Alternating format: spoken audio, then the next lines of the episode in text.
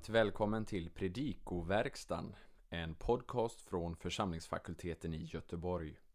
Daniel Johansson går igenom kommande söndags evangelietext till hjälp för dig som förbereder en predikan inför söndagen eller för dig som är allmänt intresserad av att veta mer om evangelietexten. På vår hemsida www.ffg.se finns alla genomgångar för de tre årgångarna i evangelieboken men också andra resurser som kan vara till inspiration och fördjupning och som har gjorts tillgängliga för alla. På hemsidan kan du också hitta information om hur du kan stödja fakultetens arbete för akademi och församling, bland annat genom den här podcasten. Men nu, en genomgång av kommande söndags evangelietext. Vi önskar dig god lyssning. Första årgångens evangelium för kyrkårets sista söndag, domsöndagen, kommer från Matteus 25, 31-46. Det är avslutningen av Jesu femte och sista stora tal i evangeliet. Vi börjar i vers 31 där i vissa handskrifter det står Hagioi istället för Angeloi. Han ska komma med alla sina heliga istället för sina änglar. Det här är troligen en indikation på att man uppfattade en anspelning på Sakarja 14.5. I frasen Epithrono doxes auto är det oklart om auto syftar på doxes eller throno, alltså hans härlighet eller hans tron.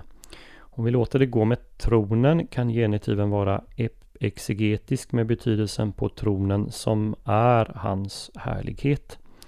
Eh, eller beskrivande hans härliga tron.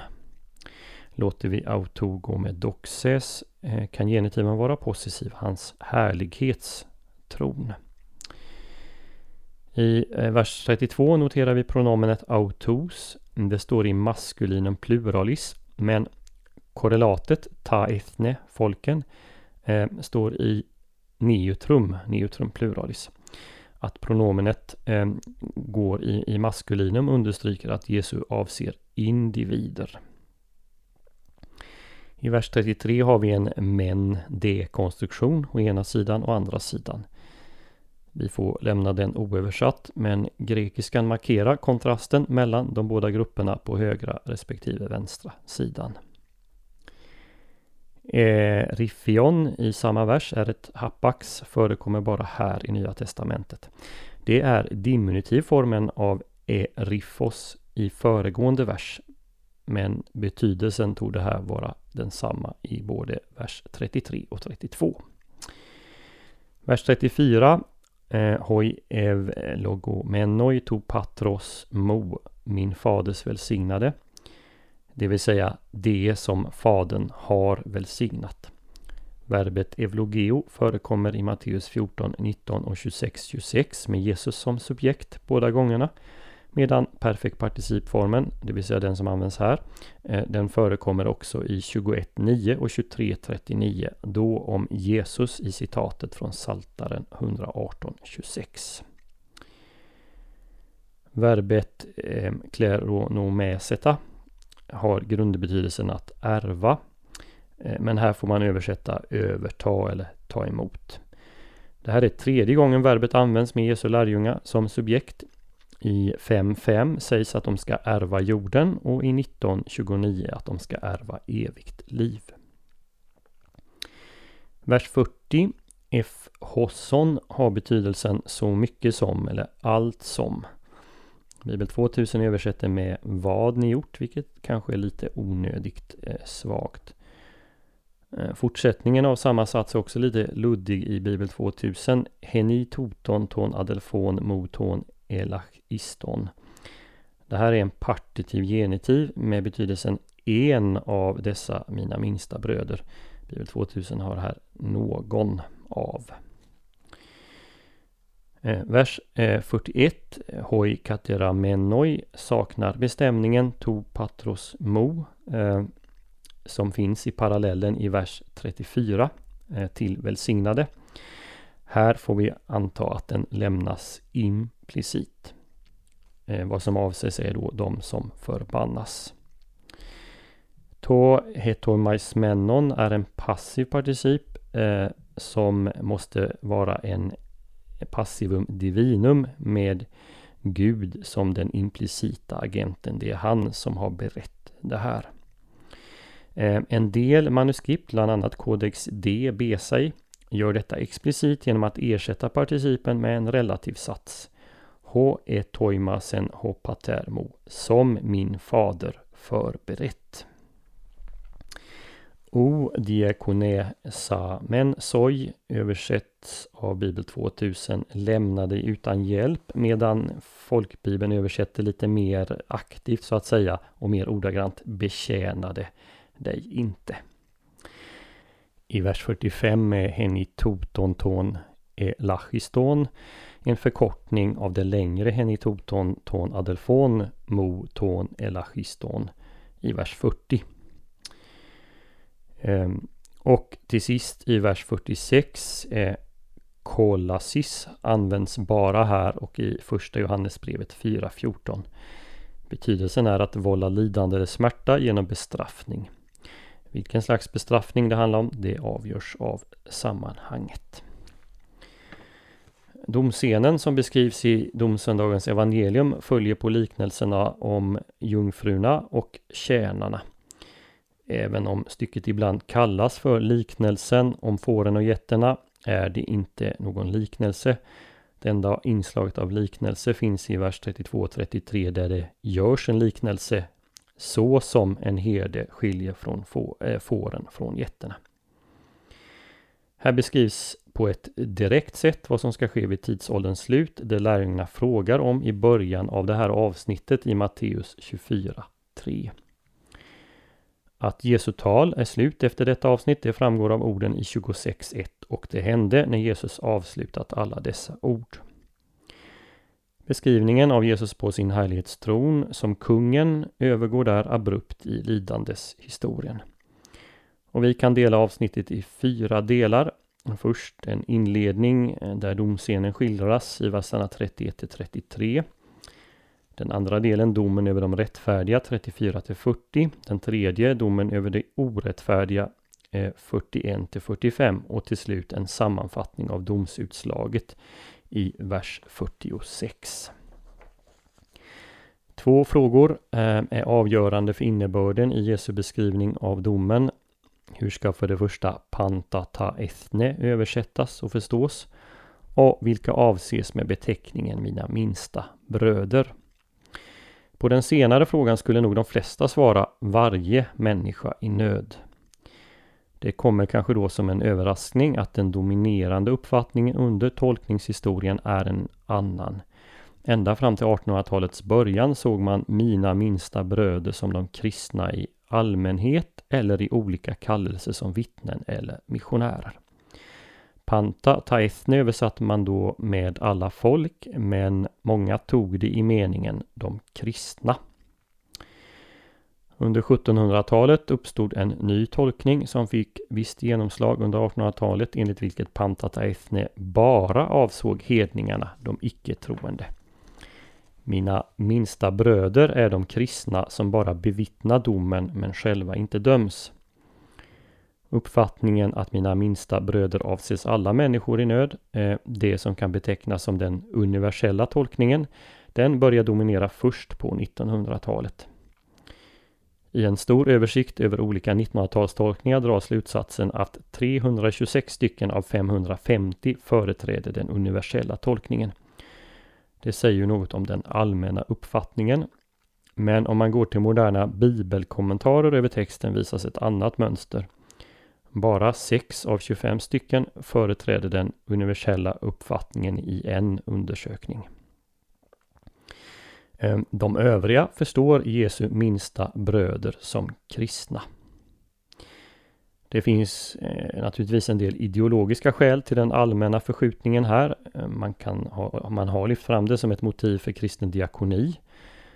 Den universella tolkningen passar en liberal teologi påverkad av till exempel Immanuel Kants etik, befrielseteologi, religionsdialogerna och den fungerar dessutom väl i ett postkristet samhälle. Eh, bara för att nämna några exempel. Den universella tolkningen har också gynnats av den atomistiska läsning som dominerade under 1900-talets första hälft. Där man isolerade traditioner och enskilda Jesusord. Men frågan är vad som händer när vi läser domscenen i ljuset av Matteus evangeliet som helhet. Ja, då kan vi notera att begreppet adelfos används 18 gånger med avseende på medlemmar i den kristna familjen. Till exempel 1246 50 och 2810. Och alla övriga gånger så handlar det om Jesu jordiska bröder. Eh, aldrig syftar det på nästan i allmänhet, såvida det inte gör det här. Elachiston är eh, superlativ av mikros och just mikros används i det snarlika uttrycket hennaton mikron toton, en av dessa små. Och det stöter vi på i Matteus 10.42, 18.5, 18.10 och 18.14. Och då avses alltid en Jesu efterföljare. Det här sammantaget, användningen av bröder och av mina minsta, eh, gör att en av dessa mina minsta bröder bör syfta på Jesu efterföljare. Frågan är dock om vi kan vara ännu mer precisa eh, och vissa detaljer pekar i en sådan riktning. Frasen panta ta ethne eh, förekommer sammanlagt fyra gånger hos Matteus. I 24.9 och 14, i 25.32 och i 28.19. Det intressanta är att alla gånger det förekommer så sker det i en missionskontext. Eh, och det kan man dra slutsatsen att alla folk som står inför domstolen det är också alla folk som lärjungarna burit ut evangeliet till det.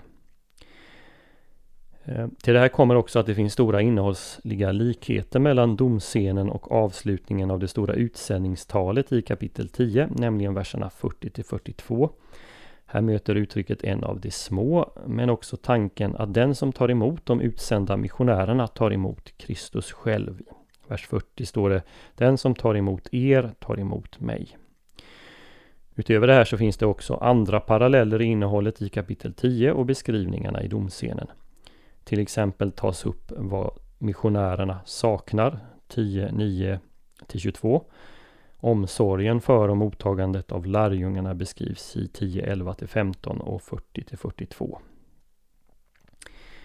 En sån här koppling mellan att ta emot de utsända och att ta emot Jesus och hans budskap, det reflekteras på andra ställen i Nya Testamentet.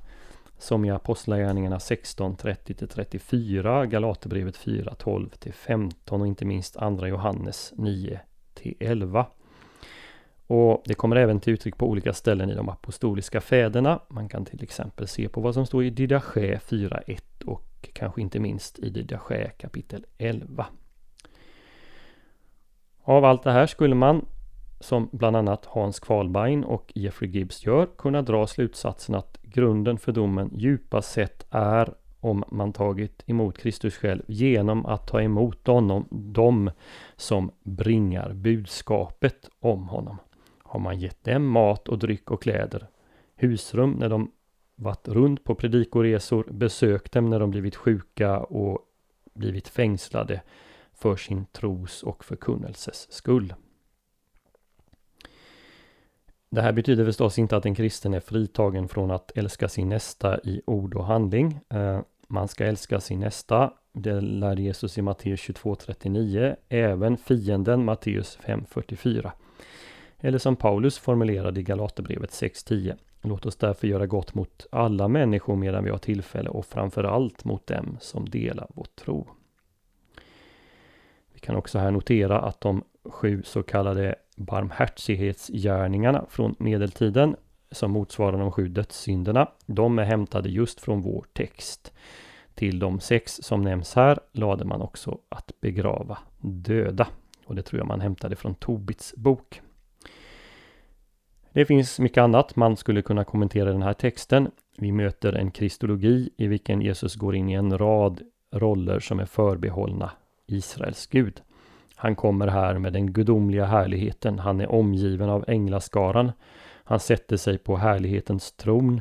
Han är den som fäller utslaget i domen. Allt det här stärks också av de gammaltestamentliga ekonen vi kan höra. Daniel 7, 9-14 där Gud sitter till doms. Sakarja 14.5 som beskriver hur Herren kommer med sina heliga, förmodligen änglarna. Hesekiel 34 där Gud skiljer mellan baggar och bockar. Vi kan också nämna den, nämna den gammaltestamentliga bakgrunden till domsutsagan i vers 46, nämligen Jesaja 66, 24. Till sist kan man också reflektera lite grann över kopplingen mellan vår text, slutet av Jesu fem tal och början av det första talet, saligprisningarna, i inledningen av Matteus 5. Där används visserligen begreppet salig, men det är inte så långt ifrån välsignad som används här. På båda ställena talas om att Jesu lärjungar ska ärva. Riket som ärvs i 2534 det har sin motsvarighet i himmelriket som tillhör dem som är efterföljare. Eh, det det löfte som inramar de åtta saligprisningarna. Hunger, törst, barmhärtighet och rättfärdighet är andra begrepp som binder samman de båda ställena. Och på det här sättet binds också domsöndagen samman med alla helgons dag, i alla fall kyrkoårets första årgång.